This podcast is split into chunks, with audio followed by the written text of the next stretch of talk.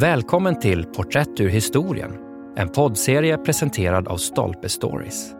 I 25 avsnitt får vi lära känna några av de personer som spelat viktiga roller i historien, men ändå glömts bort.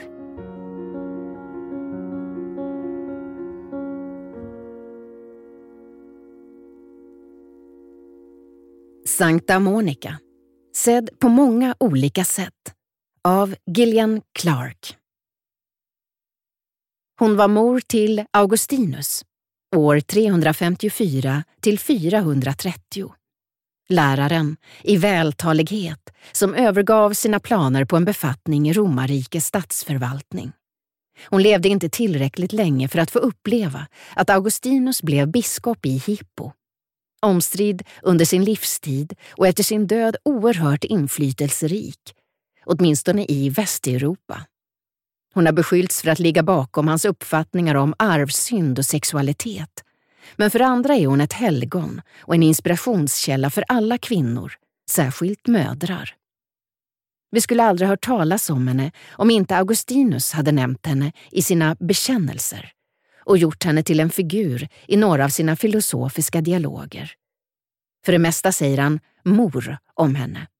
Men en enda gång, när han ber om böner för sina föräldrar, nämner han hennes namn, Monica. Eller var det Monica? Det stavas Monica i de tidigaste manuskripten till bekännelser. Numera används det som en påminnelse om att mor, när hon levde, inte var Sankta Monica, utan en kvinna i Nordafrika, där Monica och likartade namn var i bruk. Under nästan alla sina 55 år och i hela sitt gifta liv bodde hon i Tagasht, nuvarande Sukarash i Algeriet, en liten stad cirka 100 kilometer från Medelhavskusten. Där ville hon bli begravd bredvid sin make, som dog innan hon fyllt 40. Men sen flyttade hon långt bort, först till Kartago, provinshuvudstaden där Augustinus undervisade, och därefter till andra sidan havet när de begav sig till Rom. Monica och övriga familjemedlemmar anslöt sig till honom i Milano, som var en imperiehuvudstad. Rom var alltjämt rikets symboliska huvudstad, men Milano var bättre beläget för försvar. Tre år senare, efter det att Augustinus mottagit dopet och börjat ägna sitt liv åt att tjäna Gud, avled Monica i Ostia, Roms hamnstad, medan de tillsammans väntade på ett skepp som skulle föra dem hem. Hon hade insett att det inte spelade någon roll var hon blev begravd, säger Augustinus. Hon ville bara bli ihågkommen i kyrkan, var hennes familj än befann sig.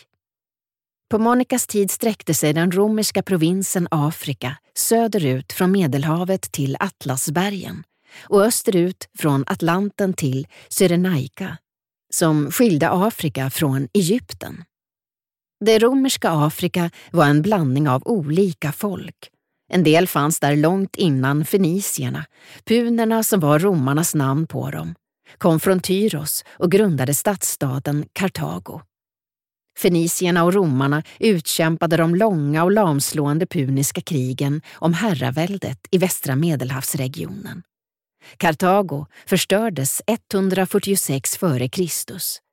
Men platsen hade ett för bra läge för att inte utnyttjas och hundra år senare byggde Julius Caesar upp staden igen. Allt eftersom romarna fick större makt i Nordafrika blev latinet förvaltningsapparatens och finkulturens språk. Puniska, ett semitiskt språk besläktat med hebreiska, talades fortfarande. Särskilt i distrikt på landsbygden, men förekom av allt att döma inte i Augustinus hem. Han kunde bara några få ord på puniska. Så som Augustinus framställer sin mor talar hon en tydlig, anspråkslös latin. I likhet med de flesta kvinnor hade hon inte fått någon regelrätt utbildning i den klassiska latinska litteraturen, säger han. Men genom bön och begrundan av kristendomens heliga skrift i latinsk översättning från grekiskan, vars ord hon hörde i kyrkan och läste hemma, fick hon den kunskap hon behövde av Gud. Vad betyder det när man säger att Monica var afrikan? Augustinus använder det latinska ordet afer afrikan, om människor som liksom han själv kom från det romerska Afrika. Han ställde inte afrikansk i motsats till romersk. Sedan år 212 var alla friborna personer i romarriket romerska medborgare. Inte heller påstod han att afrikaner var lätta att urskilja. Det fanns en regional accent, men Afrikas folkblandning hade resulterat i en lång rad olika hudfärgsnyanser, drag och utseenden. Monica kan ha haft fenisiskt, italienskt eller lokalt numidiskt påbrå.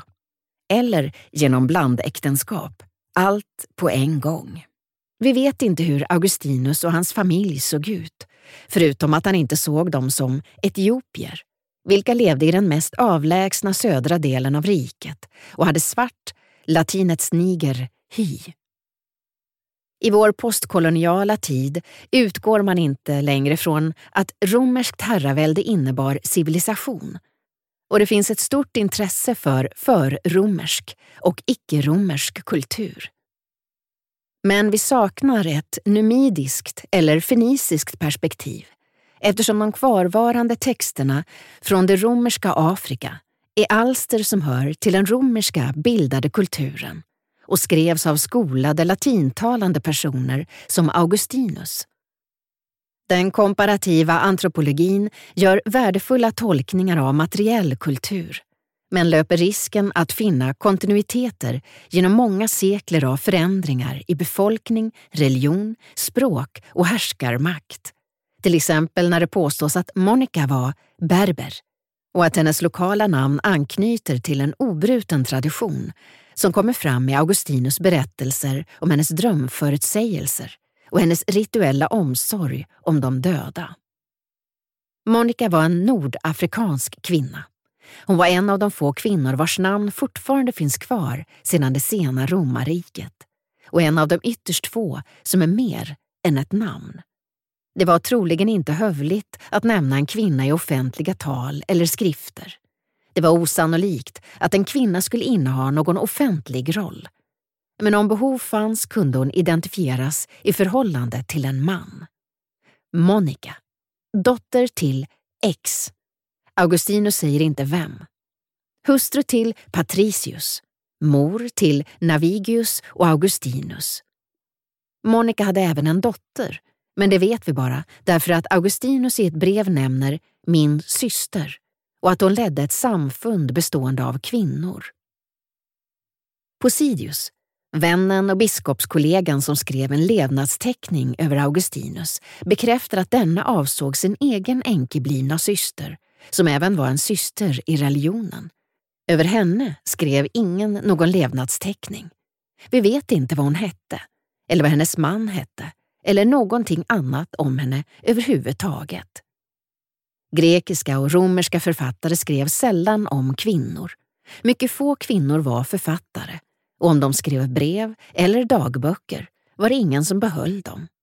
Nästan alla levde hemliv som saknade allmänintresse. Några få gjorde avtryck i politiken.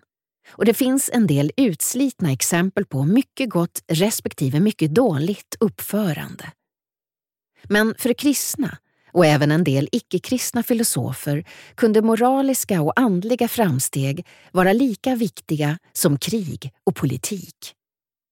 Kristna författare skrev om kvinnor vilkas gudshängivenhet var så stark att de övervann sin kvinnliga svaghet till kropp och själ. De dog som martyrer eller försökte viga sina liv åt bön och kärlek till nästan. Och de valde bort äktenskap och familj. Monica slapp lida martyrdöden och undvek inte äktenskapet. Under hennes livstid var enkönade trossamfund en nymodighet. Hon fick barn och barnbarn och levde ett odramatiskt liv som trogen hustru och änka. Inte fattig, men inte heller rik, i en liten provinsstad. Augustine skrev ingen helgonbiografi över sin mor, men i hans skrifter fanns materialet till Sankta Monica.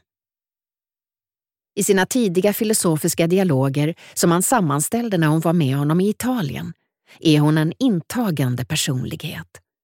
Hans förebild var Ciceros dialoger, där de som för ordet är ledande romerska statsmän. Augustinus ville inte att diskussionen skulle begränsa sig till eliten och de som samtalar är hans okända studenter och släktingar, även hans mor. Han säger att en stenograf förde anteckningar, men vi kan inte veta hur mycket av Monikas bidrag som modifierades eller var påhittat. Hur som helst är det anmärkningsvärt att hon är en dialogfigur.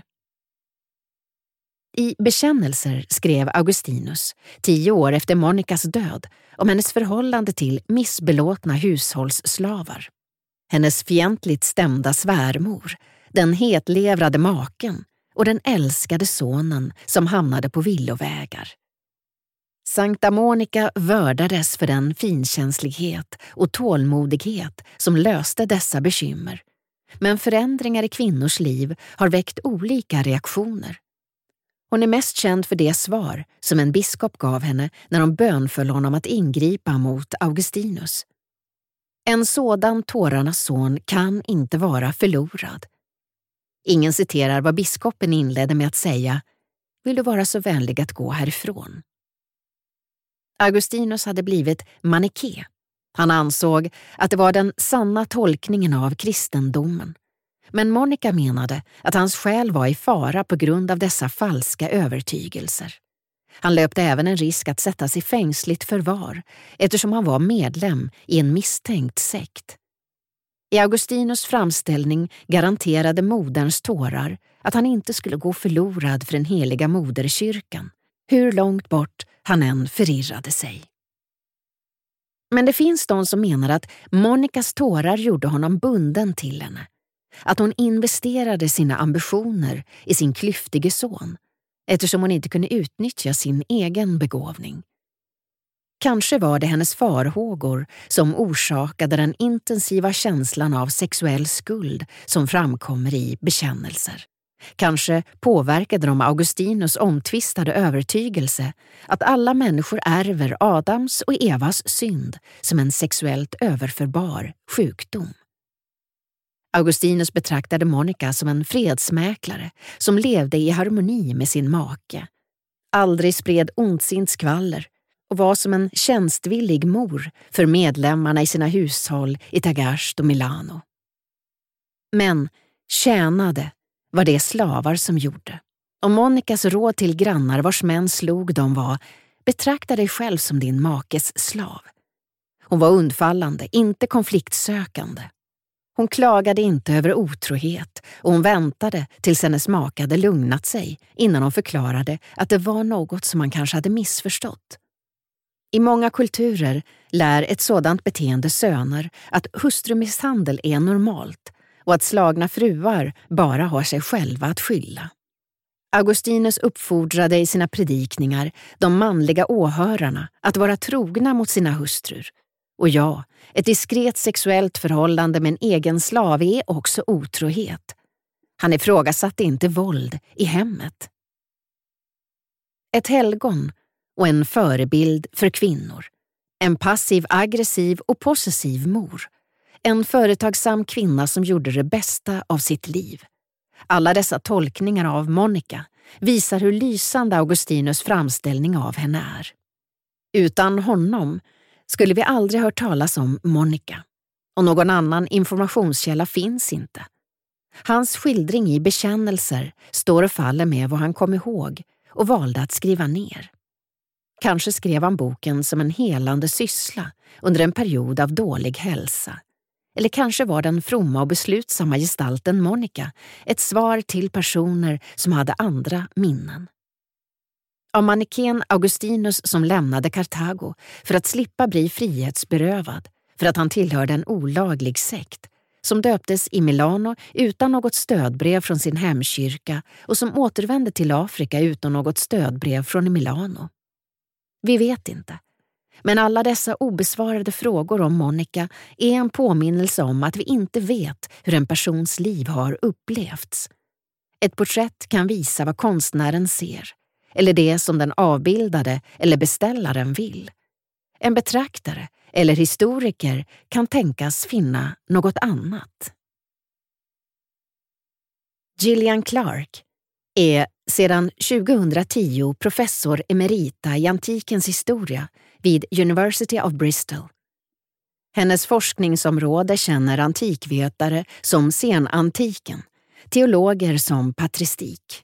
Hon ägnar sig främst åt socialhistoria och idéhistoria med särskild inriktning på kvinnors liv. Hennes långtidsprojekt är en kommentar till Augustinus Guds stad. Tillsammans med teologen Andrew Loth är hon redaktör för monografiserien Oxford Early Christian Text Studies, Oxford University Press.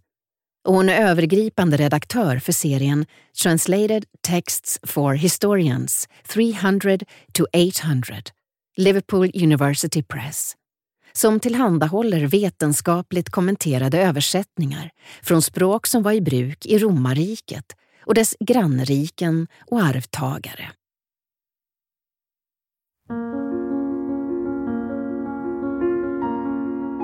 Du har lyssnat på poddserien Porträtt ur historien som presenteras av Stolpe Stories och inläst av Mimmi Kandler.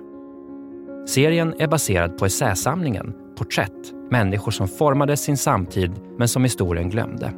Essäsamlingen finns ute nu. Glöm inte att du som lyssnar har 20% rabatt på alla bokförlaget Stolpes titlar på Bokus.com. Ange rabattkoden STOLPE20.